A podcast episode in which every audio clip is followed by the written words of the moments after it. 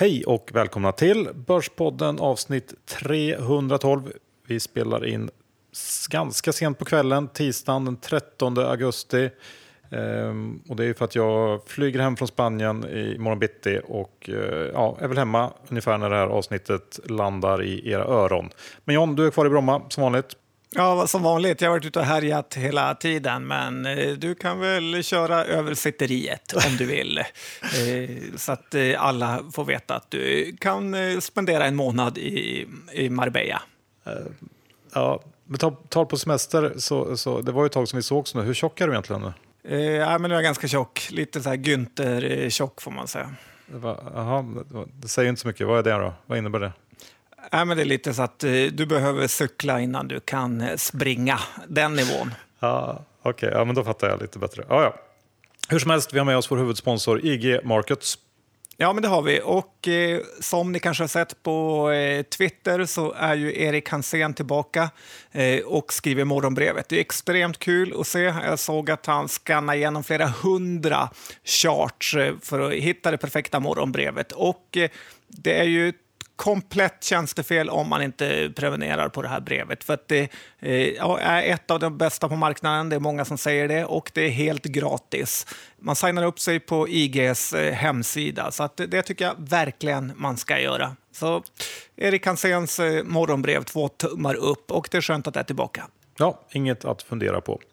Och John, vad pratar vi om idag? Nej, men det kommer ju bli en hel del dataspel. Vi har ju haft eh, småspararfenomenet Gravity, så har vi haft eh, Paradox som är liksom eh, fondförvaltarnas favorit. Båda har rapporterat. Och eh, sen kommer jag även prata lite om tur och otur. Ja, och eh, jag kommer prata om eh, gambling. Det har hänt lite grann där. Och eh, ja, lite om eh, en kommande rapport som jag tycker ser lite spännande ut. Så att, det eh, känns som ett matigt avsnitt. Och såklart lite betraktelser efter en månad i Spanien.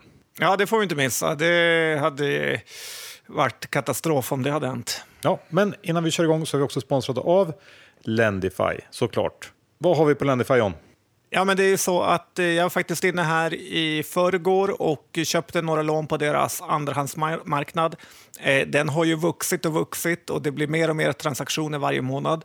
Eh, till min glädje såg jag ju att eh, snittpriset för de här lånen var 100,5 procent. Alltså om du skulle ångra dig och vilja casha ut så kan du i snitt då hittills så får man mer pengar än man har investerat i lånen. Och det tycker jag är fantastiskt att Lendify erbjuder den här möjligheten att eh, om man behöver pengarna kan man komma ur igen. Eh, och sen ska man säga det att eh, med tanke på hur eh, räntorna har störtdykt så finns det ju knappast något eh, bättre alternativ än att eh, den marknaden som bankerna alltid haft för sig själva tar man eh, till sig själv här och blir en del av den. Så gå in på Lendify, eller hur Johan? Ja, precis. Och går man då in på lendify.se Bordspodden och investerar minst 20 000 kronor, ja då får man 500 kronor extra eh, instoppade i sin portfölj och det är ju en fantastisk start på sin eh, Lendify-karriär. Ja, det är inget att tveka på. Ta tillbaka en marknad från bankerna och eh, utöka din, eh, ditt kassaflöde. Gör det. Nu kör vi.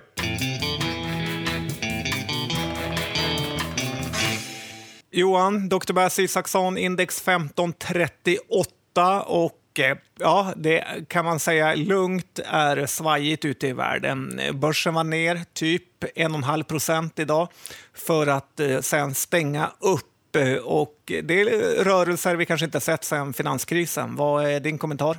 Nej, men det stämmer ju eh, det du säger. Och, och, när jag tittar här på mina anteckningar så körde vi ett vanligt avsnitt av Börspodden för två veckor sedan. Och eh, sen dess har det faktiskt hänt en hel del.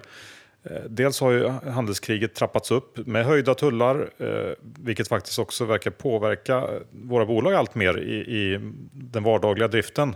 Eh, sen så kom det ju då idag uppgifter om att USA skjuter lite på en del av de här tullarna idag. Vi får se vad som händer med det. Ehm, men sen så har ju Kina också devalverat yuanen, låtit den gå över 7, 7 mot dollarn, vilket har varit ett psykologiskt och tekniskt stöd ganska länge. Och Eh, det ökar också den här oron som, som fanns för några år sedan, eh, 2015 kanske det var, för att Kina ska tvingas, eller kanske medvetet försvaga sin valuta ytterligare och eh, vilka eh, konsekvenser det skulle kunna få, antagligen ganska stora, för, för tillverkning och handel runt om i världen.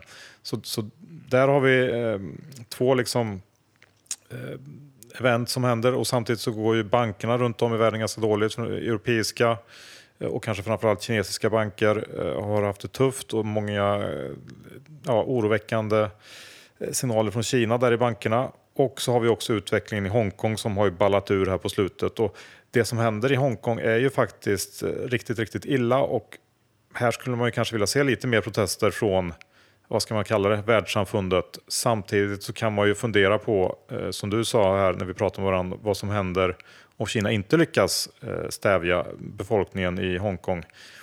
Eh, rädslan måste vara ganska stor nu inom partiet i Kina för att det här ska sprida sig till mainland eh, och fullständigt på något sätt spinna ur kontroll. Det skulle ju faktiskt skulle kunna hända om, om saker och ting går lite snett för kineserna. Eh, och allt ja, det verkligen. Det hade ju varit en av de kanske största eventen någonsin i världen om Kina skulle omvandlas från diktatur till demokrati under någon typ av revolution. Det hade inte varit så gosigt i OMX30. Nej, nej jag håller med. Eh, och vänder man på det så om de får ordning på, på Hongkong så eh, är det väl ingen orimlig tanke att eh, Taiwan står på tur. Hur som helst så sker allt det här samtidigt som konjunkturen bevisligen saktar in ganska ordentligt. Och det här sammantaget gör ju att läget känns oerhört spänt och bräckligt just nu. Eh, det finns så många olika riktningar som utvecklingen kan gå i, i flera olika mm, vad ska man säga, fall som alla kan få ganska stor påverkan på, på börsen och, och, och, konjunkturen framåt. Och det gör att i alla fall jag tycker att riskerna just nu känns större än vanligt på något sätt.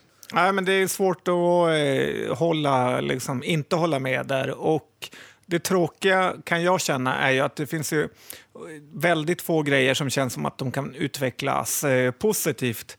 Eh, däremot kan det ju också vara den känslan alla andra har och därför eh, om något positivt händer så kan börsen rekulera ordentligt. Ja, precis. Jag tänkte också komma till det att man kan ju faktiskt vända på det här. Alla, precis alla ser ju de här riskerna och pratar om de här riskerna. Så att, eh, om det lugnar ner sig så finns det säkert en, en, en uppsida på något sätt. Men eh, så det, ja, man får bara följa händelseutvecklingen lite mer noggrant än vanligt kanske och förhålla sig till det. Men, vi går Men ett problem vill jag bara lägga till, att det ja. är ju extremt svårt att följa de här händelserna noggrant eftersom man är extremt långt ifrån och sitter inte direkt på någon förstahandskälla utan eh, köpa och sälja på den här typen av nyheter. Det är rätt lätt att göra bort sig. Ja, plus att eh, marknaderna reagerar ju så fruktansvärt snabbt så att man hinner ju inte. Eh, som idag när, när Trump tweetade ut det här om tullarna så vad tog det, tio minuter så hade vi eh, vänt från minus en och en halv till plus. Det, ja, man måste ju verkligen sitta klistrad om man ska kunna hinna med. Ja, så är det. Ja. Men jag tänker att vi går över till eh, eh, silly season som det är just nu verkar det som bland börsens storbolags vd Det har ju hänt en hel del eh, även där sista veckorna. Eh, vi har ju Saabs eh, Buske och Telias Dennelind och eh, senast var Sandviks eh, Rosengren som alla lämnat sina vd-poster. Och, eh, jag tänkte återkomma till Rosengren lite senare här i avsnittet men, men eh, prata lite mer om Buske och Dennelind i, här.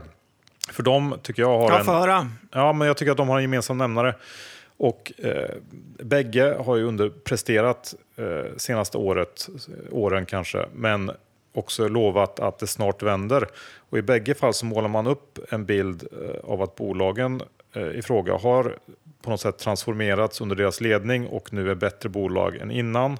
Vilket man nog får ha rätt positiva glasögon på sig för att hålla med om. Men framförallt så tycker jag att bägge två eh, lämnar i lägen där saker inte alls känns avslutade. Saab har ju en period framför sig där de ska liksom leverera och kassaflödet och marginalen ska nu äntligen upp och det finns väl också lite förväntningar på att någon i alla fall ytterligare stor eh, flygplansorder ska dimpa in och sen ska den här stora skolflygplansorden eh, levereras. Och det, det känns eh, sammantaget väldigt oavslutat tycker jag. Ja, men det kan jag hålla med om. Eh, samtidigt så eh, är det ju de är ju bara arbetare på det här företaget, så att det kanske kommer något bättre. De har hittat något roligare. Ja, det är möjligt. Ehm, och, och tittar vi på Telia så står man också inför någon slags leveransperiod rent operationellt. Eh, där har man lovat effekt av besparingar och betydligt bättre kassaflöden i, i närtid samtidigt som det här stora och ganska högprofilerade köpet av Bonnier inte heller är avslutat. Så jag tycker att, att det, det finns likheter här. Och om man ska på något sätt sammanfatta det här så tycker jag att, att om man som vd väljer att lämna precis innan eh, en påstådd skördeperiod så får det i alla fall mig att tro att den där skördeperioden kanske kan komma att utebli. Eh, och det vore väl en sak om, om bägge två fått kicken, men det verkar ju mer vara så att de har lämnat av egen vilja. Så jag tycker ändå att det känns lite sådär om jag hade varit aktieägare både i Saab och eh, Telia faktiskt. Ja, å andra sidan, om de visste att de skulle få kicken så brukar man ju få eh, betydligt bättre fallskärmsmöjligheter eh, eh och eh, pengar om man eh, lämnar när man får kicken. Så att eh, det kan ju också vara av andra anledningar. Hade, visste jag att det skulle gå åt pipan och jag var vd hade jag kanske suttit ut tiden och fått två årslöner. Ja, vi får se, vi får se helt enkelt. Men, ehm, ja, men du, du har väl lite eh, vd-snack också. Tur och otur hade du någonting om? Ja, men det är ganska mycket så. En som haft otur är ju Anders Nyrén eh, som vi har pratat en del om i podden. Han har ju tyvärr dött i cancer, var det. Och eh, det här är ju mannen som var vd på Industrivärden. Eh, sen blev han ju brutalt förnedrad av eh, främst eh, Svenska Dagbladet på, som det har visat sig i efterhand, väldigt felaktiga grunder. Det tråkiga här kan man tycka att han kommer ju egentligen aldrig tillbaka till näringslivet efter det här. Så att det här jobba stenhårt hela livet, sen bli förnedrad och förintad får man väl säga av media och sen dö. Det är ju rätt osoft, eller vad säger du? Ja, det är väl otur helt enkelt. Ja, och eh, sen tycker jag att man kan säga så här. Du kan tycka vad du vill om Sverker, Martin Löv och eh, Anders Nyrén. Eh, men hur de skötte industrivärlden det, så här i efterhand, det har inte framkommit några som helst eh, skandaler eller problem, utan industrivärden är ju ett av eh, de bästa investmentbolagen som börsen eh, har fortfarande. Eh, så att eh, jag tycker att eh, hans eftermäle är lite underskattat här. Och eh, ja, han hade väldigt otur i karriären i sluttampen här och det är lite den som räknas. Men om vi ska titta på de som har haft extremt tur. Eh, du har just nämnt han, men det är ju Björn Rosengren. Tidigare var han vd på Wärtsilä och den har vi pratat om ett hel del i podden här. Bolaget som gör eh, båtmotorer och eh, ja, för färger och eh, kraftstationer. Han var ju vd under en, han var vd under en period där bolaget verkligen hade en stark efterfrågan på nybyggnationer av skepp samt att Asiens ekonomi stärktes ordentligt så att de behövde mer el och mycket kraftstationerna och de sålde som smör. Sen bytte han till Sandvik eh, som kickat eh, några vd. Olof Faxander var ju den som eh, rök sist. Och Sandvik har ju fått uppleva ett enormt rally. Men det är även andra typer av bolag, typ Atlas. Så här. Och det har ju haft att göra med efterfrågan, valutor. Men det är något media vill ju som få fram att det är Björn Rosengrens förtjänst att Sandvik har lyft. Eh, tittar vi på Wärtsilä idag så har ju den gått rakt ner i botten. Och eh, ja, Sandvik om något år, det blir spännande att se. Eh, så att eh, jag ska se det här ABB, hur eh, lyckat eh, det här blir är jag inte, ja, jag är inte lika säker. Grejen var att jag trodde jag var ensam som tänkte på det här. Sen såg jag att eh, Bodenholm Per twittra om det här idag. Så att, det är tydligen fler än jag som tänker på det här. Anders Hägerstrand tillhör ju andra sidan som eh, vansinneshåsar Björn Rosengren. Ja, nej, men jag håller med. Och, eh, jag tänkte prata lite mer om det här i andra, men jag kan lika gärna ta det nu. Och, och eh, de här hyllningarna som du säger bygger ju ja, såklart till stor del på att han, han har varit vd under en väldigt gynnsam period, men också att han ska ha gjort Sandvik till ett så mycket mer resistent bolag rent marginalmässigt. Och det är ju väldigt lätt att säga nu innan den här tesen ens blir testad det här marginaltappet vi såg i Q2 var väl inte så, så kul om, om man var anhängare av den teorin och, och snarare ett bevis på att det inte stämmer. Och nu ska han då frälsa ABB och jag får kanske lite vibbar av, av ett fotbollslag som köper in den stjärna som är hetast för tillfället men man vet ju att det är liksom inte där problemet sitter kanske och framförallt så vet man hur det brukar sluta tycker jag. Um, och de Lite som, som när vet du, Cannes köpte in Kenneth Andersson efter VM 94 och han gjorde typ ett mål på 32 matcher. Ja, kanske lite så. Det var väl inte riktigt den jag tänkte på, men uh, bra liknelse. Nej, men att de vd som performar bäst är ju ofta på något sätt egna talanger som får börja från noll och bygga upp något. Eh, till exempel Ola Rolén kanske. Eh, hur som helst så blir det spännande att följa det här. Men eh, det här med Sandvik tänkte jag också på, eh, som nu då sitter utan då, Rosengren. De har ju ändå kvar Johan Molin i styrelsen som antagligen är topp tre girigast i Sverige efter sin Portugalflytt. Och han sitter, ju ändå, han sitter ju ändå med en miljon köpoptioner och man kan nog ändå vara ganska säker på att han kommer att göra allt för att de ska bli värda multum. Så att räkna ut Sandvik bara för att Rosengren slutar tror jag också är fel. Incitament är ju väldigt viktigt som vi har fått lära oss.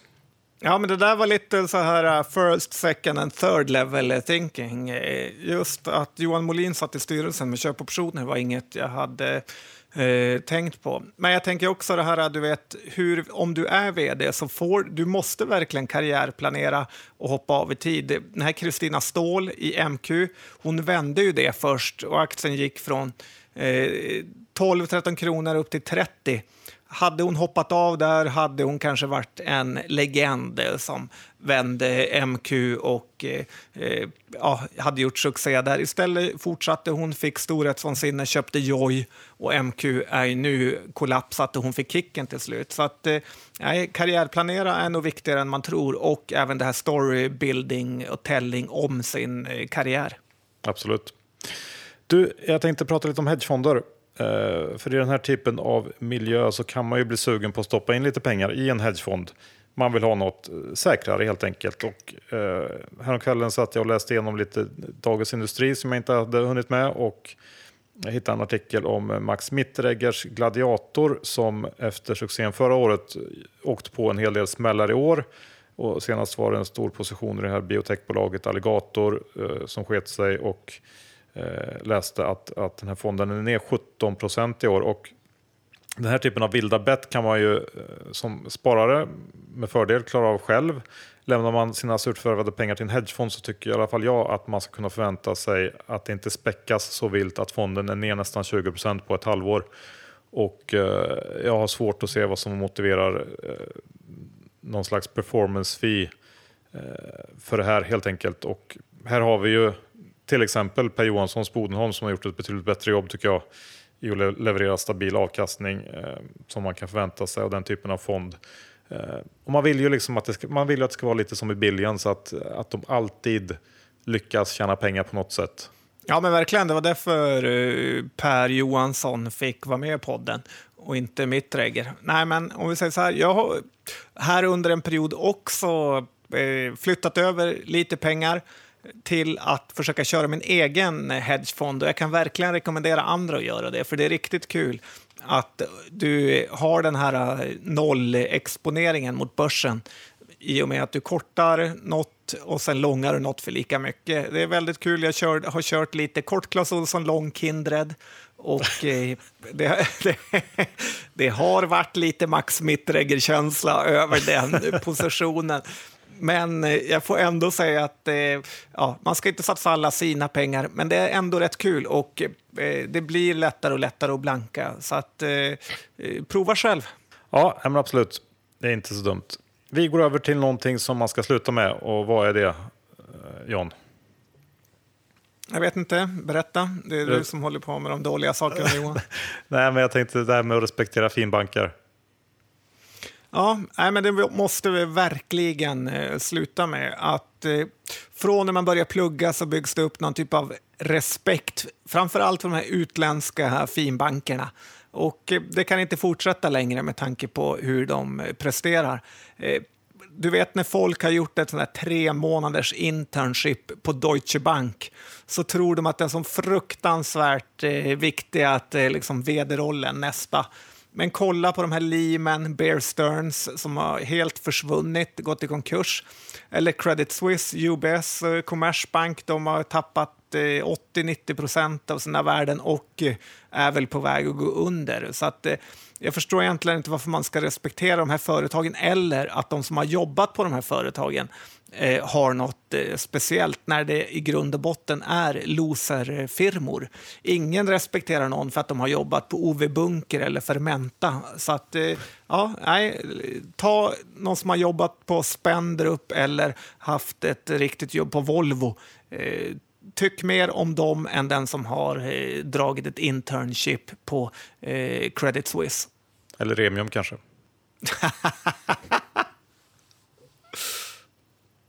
ja, ja men bra, jag håller med. Eh, ska vi avsluta första delen med, med eh, någon slags spaning eh, från mig här i Spanien en månad. Och eh, ja, vad ska man säga, om man börjar liksom uppifrån och ner så får man ju på något sätt... Hur gör man det? Hur börjar man uppifrån och ner med den typen av spaning? Man, man börjar med, med klimatet, som jag tror jag sagt det här förut någon gång, men det är ju någon slags naturtillgång för Spanien. Men inte riktigt kanske som skogen i Sverige eller något, något sånt där. Eh, för jag kan tycka att det kanske i ännu större utsträckning är en förbannelse också. För jag vet inte exakt hur stor del av av ekonomin här nere som bygger på turism och de ringar på vattnet som den skapar. Men det måste ju vara en, en enormt stor del. Eh, och problemet med det är ju att det är så fruktansvärt mycket servicenäring med väldigt litet förädlingsvärde.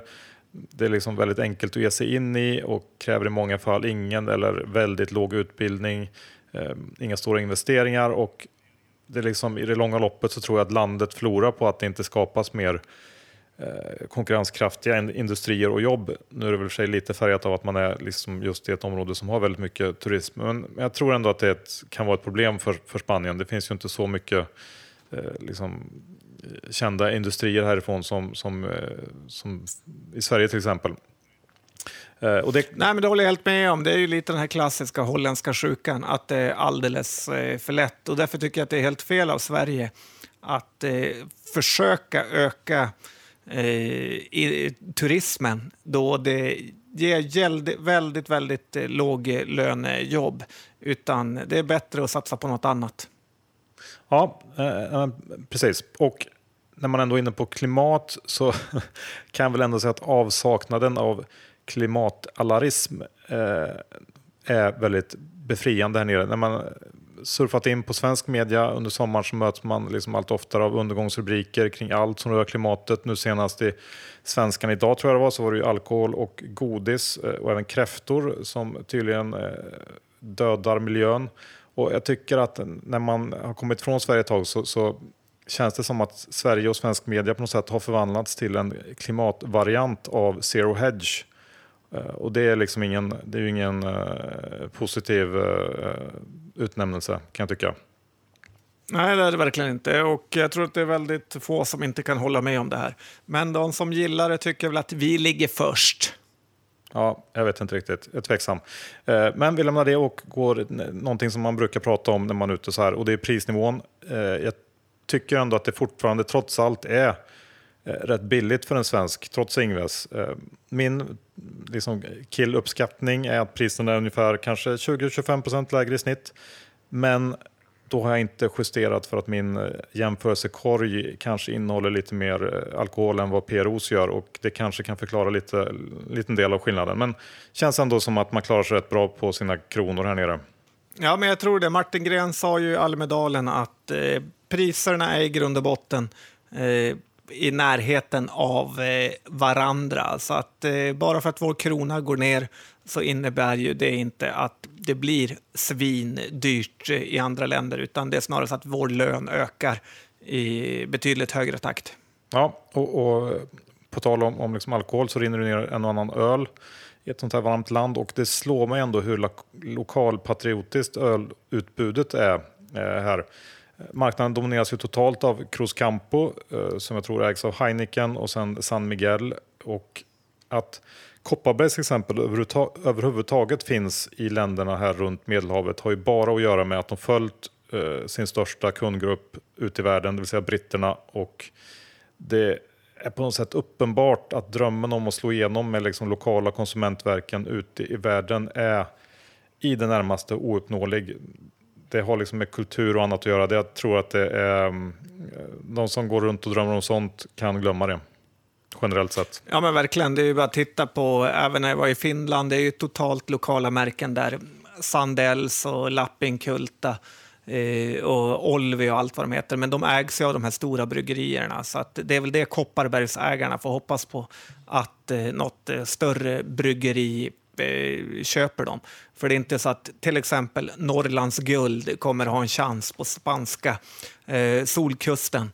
Å andra sidan kommer deras öl ha svårt att konkurrera ut Norrlands guld här hemma. Så att, eh, nej, det, jag håller helt med. Lokala öl eh, håller ställningarna.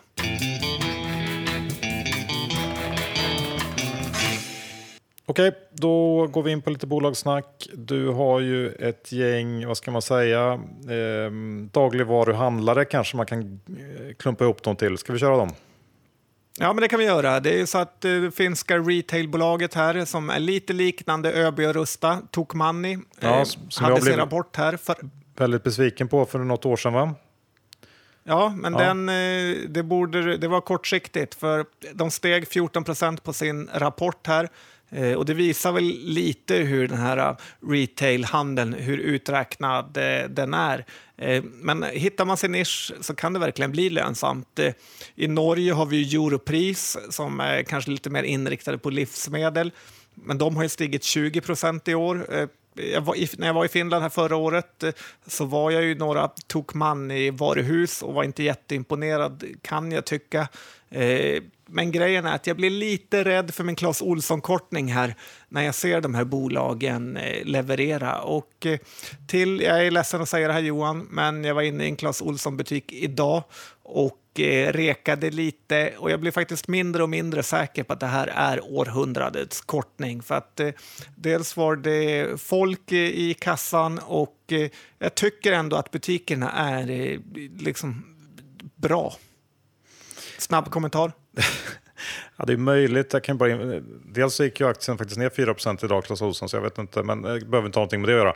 Men eh, det Clas Ohlson och Tokmanni och även de här andra eh, bolagen du räknar upp är ju lite av olika djur ändå. Det är ju lite äpplen och päron kan jag tycka. Eh, Clas Ohlson är ju på något sätt mycket mer konkurrensutsatta från nätet och liksom, ehm, ja, jag, jag, tycker bara att det räcker med att titta på försäljningsutvecklingen för att se att, att så är fallet. Det har, där har man ju svart på vitt. Så att, ja, jag känner mig fortfarande eh, ganska säker på att det kommer att bli betydligt mycket värre för dem. Men vi får ju se såklart.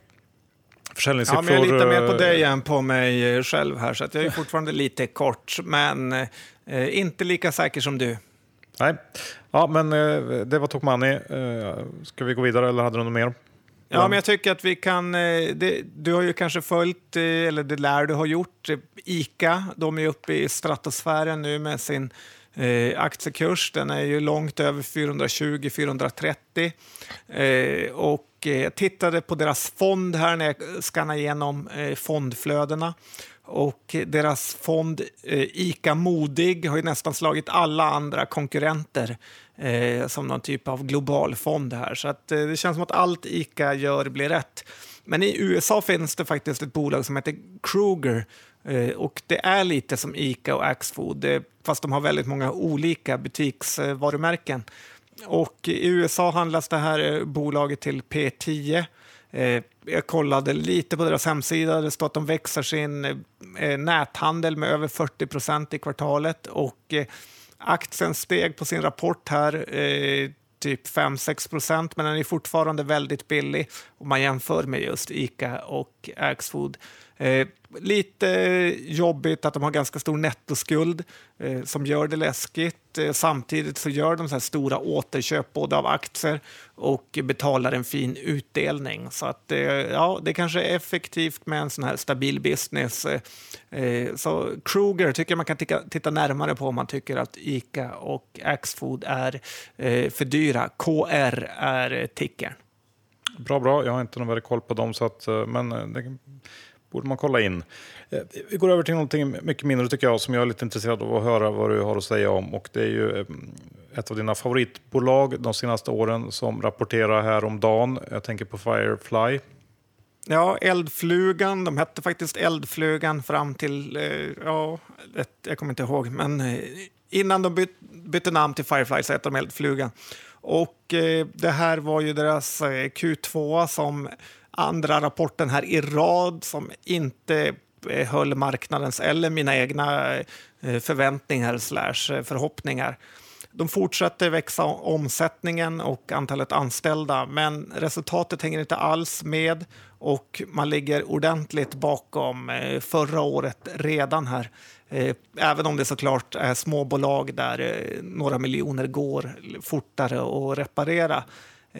Men jag kan ju tycka att Firefly verkar inom en ganska eh, konjunkturkänslig bransch här. Att om det inte byggs fabriker så behövs det inga nya brandskyddssystem. Eh, och eh, de sa att eh, energipriserna hade gjort att eh, de eh, fortfarande hade eh, de liksom, beställarna fortfarande hade beställt. Men nu har vi sett att eh, det har rasat energipriserna med, så det gör mig också lite orolig.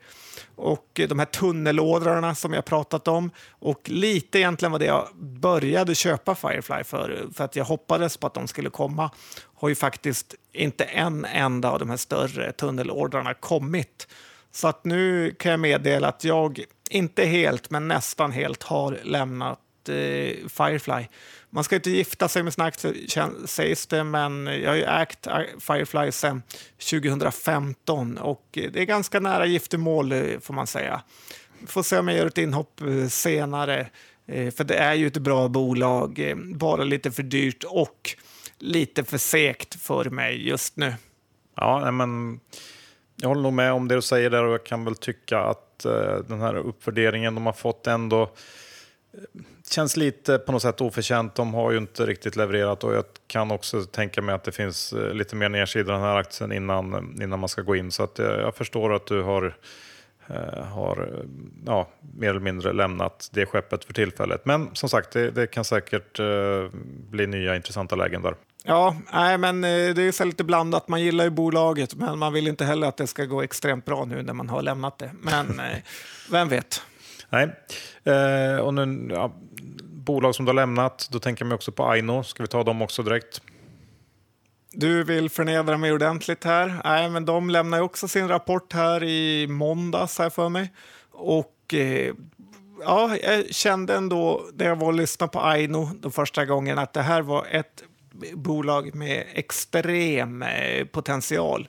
Och grejen är att när man läser rapporten här så får man känslan av att eh, det går svinbra och att hela världen ligger öppen. Eh, och eh, ge dem ett kvartal till så kommer det lösa sig. Men tyvärr är Jyrki, eh, som är vd för Aino, lite bättre på att lova grejer än att leverera. Och eh, Tittar du på siffrorna här så eh, känns det ju inte så bra. Tittar du på aktiekursen, jag tror aktien kom in på 26 kronor, nu är den på 3 kronor, så känns det inte heller jättebra.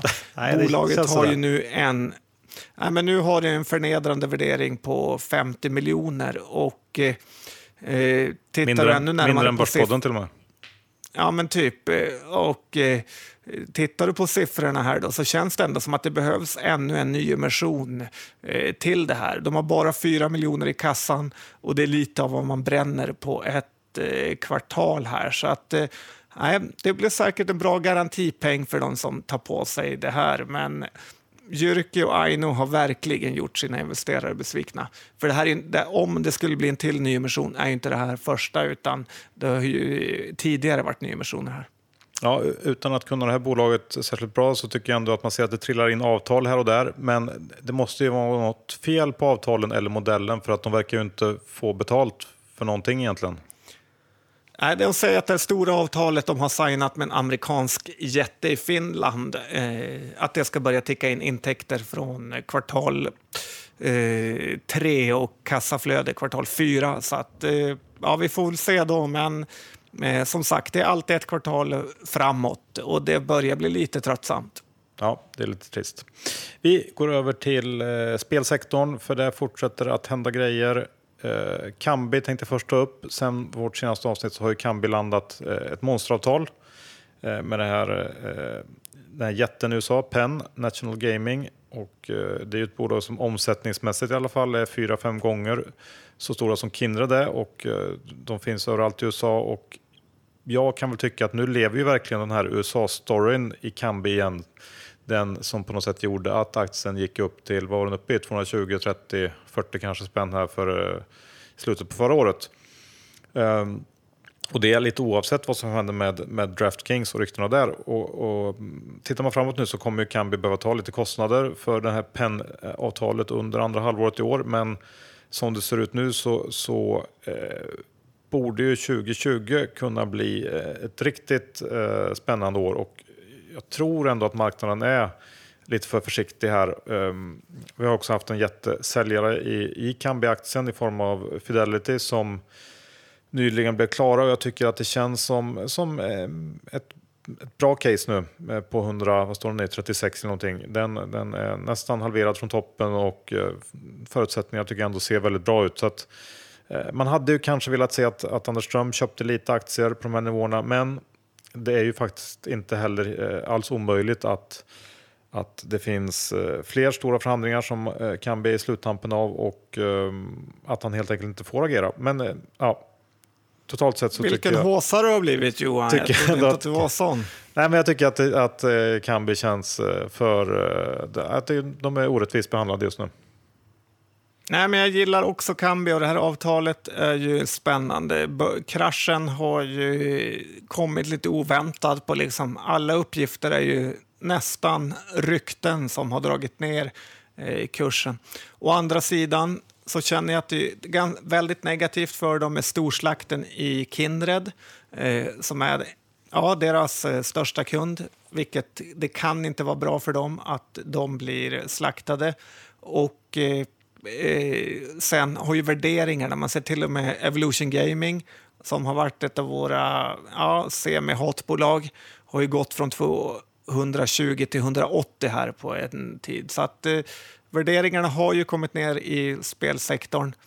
Eh, men med det säger jag också att det, Kambi har ju något eh, speciellt. Jag mässade faktiskt några av mina storspelarkompisar idag och eh, de sa ju att eh, många storspelare verkligen föredrar att spela hos Kambi eftersom eh, de ligger så extremt mycket längre fram än andra spelbolag med att kunna erbjuda mest Eh, skott på mål och då liksom nerbrutet eh, ända ner till spelare, inte bara lag och så, utan eh, Kambi har verkligen koll på allt och jag tror de ligger långt fram. Så att, och det brukar amerikanare gilla.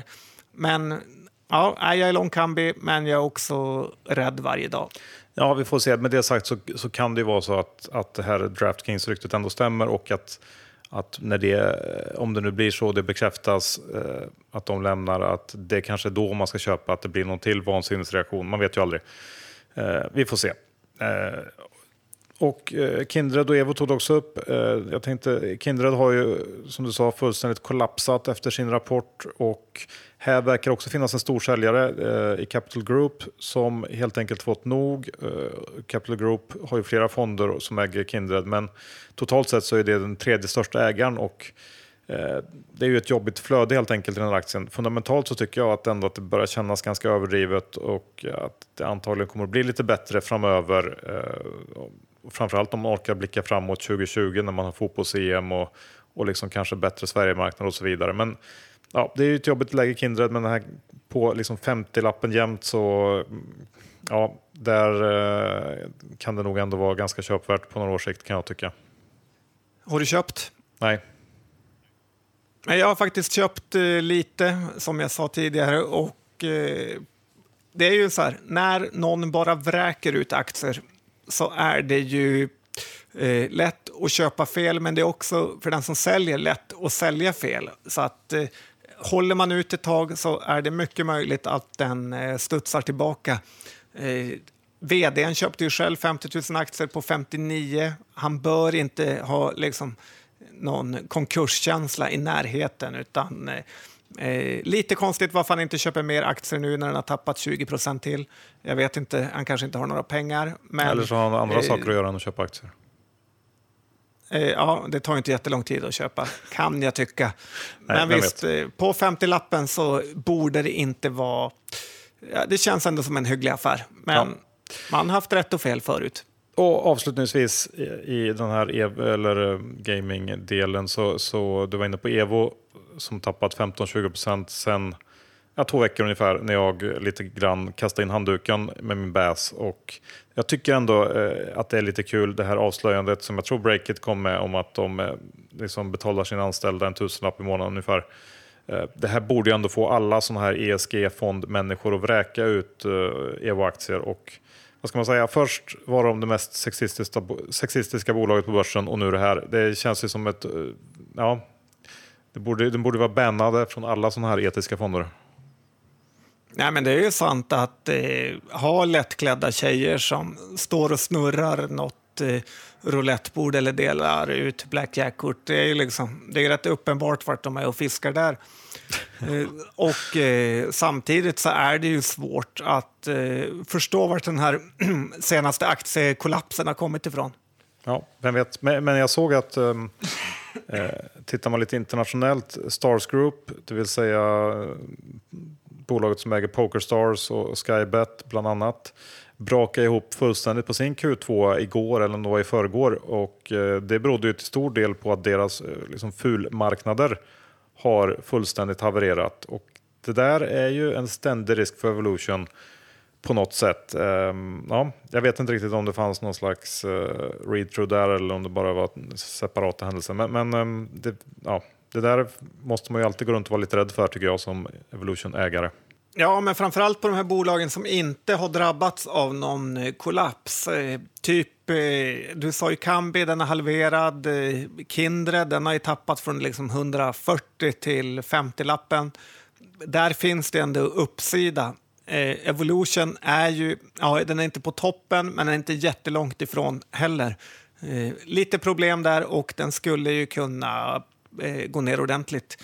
ska bli spännande med eh, Leo Vegas imorgon, som är väl ett bolag som ändå har repat sig lite från sin botten och se om de kan eh, leva upp till förväntningarna.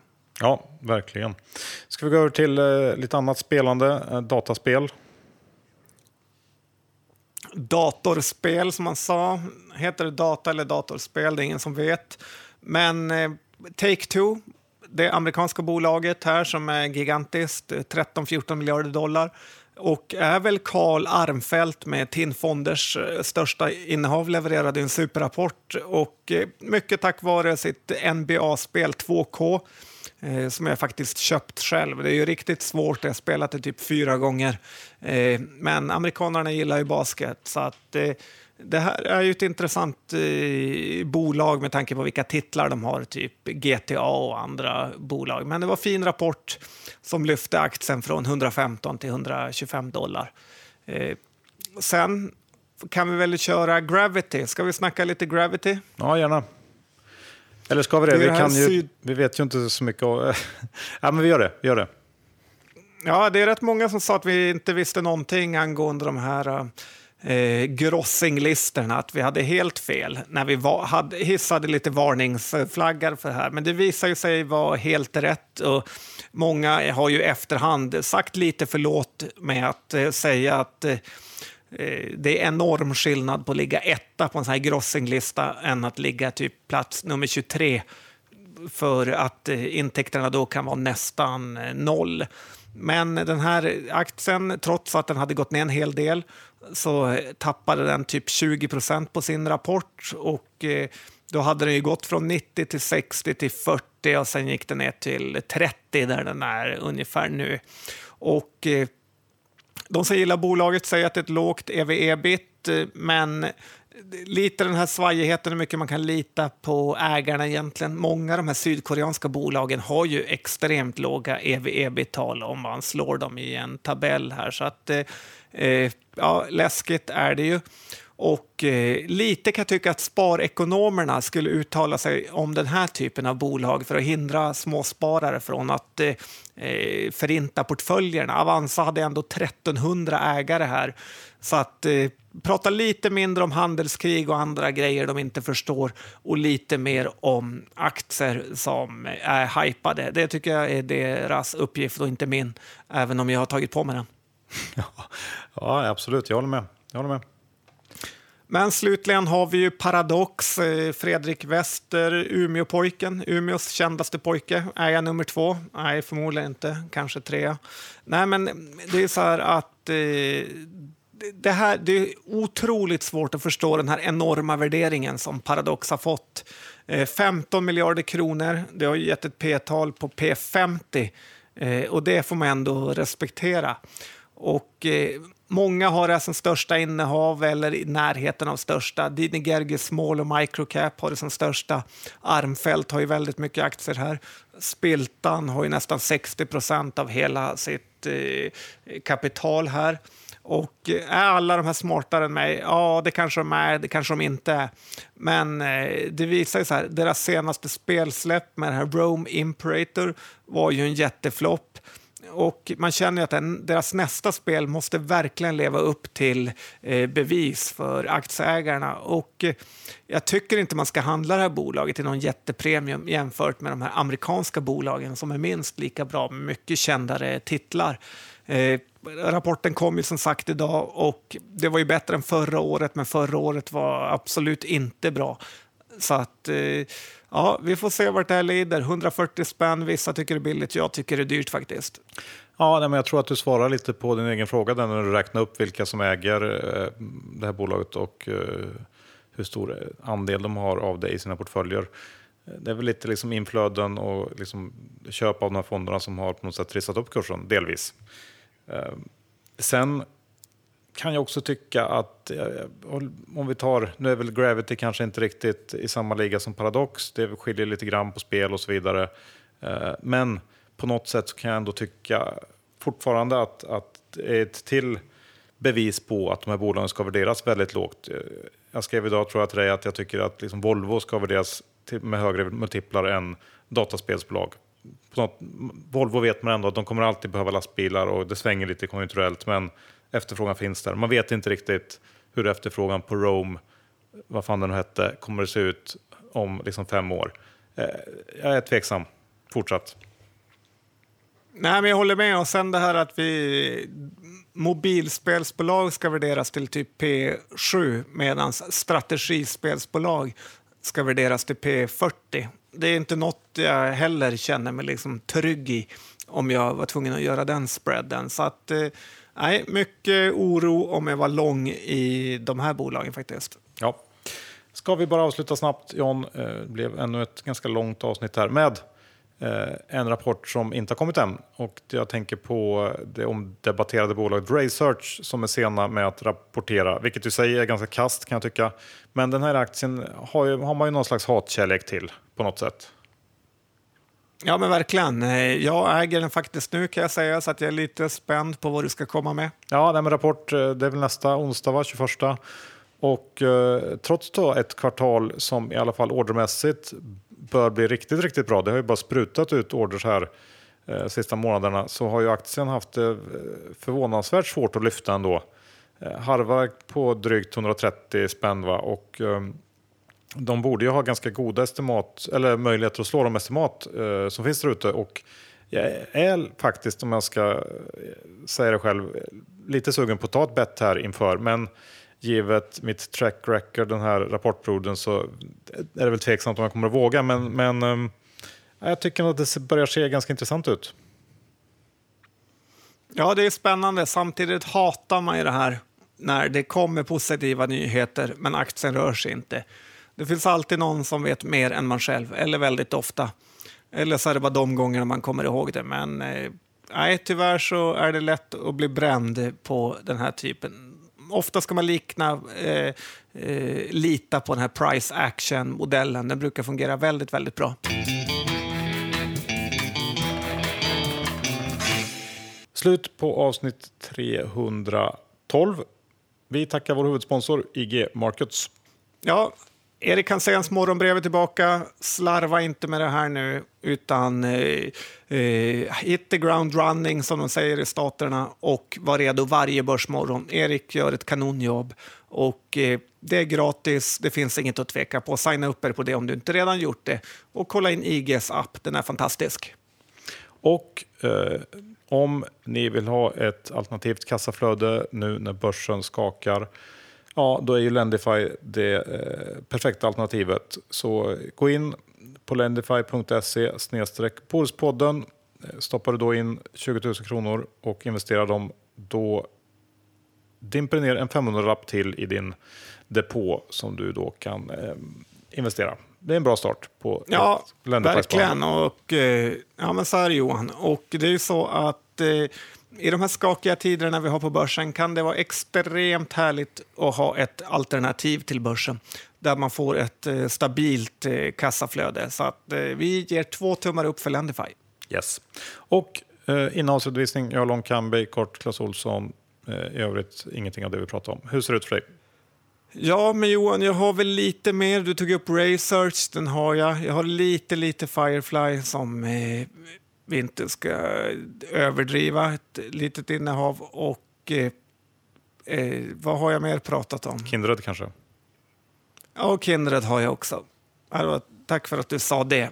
Bra. Då eh, säger vi så. Ja, men det gör vi. Bra. Hej då! Hej då!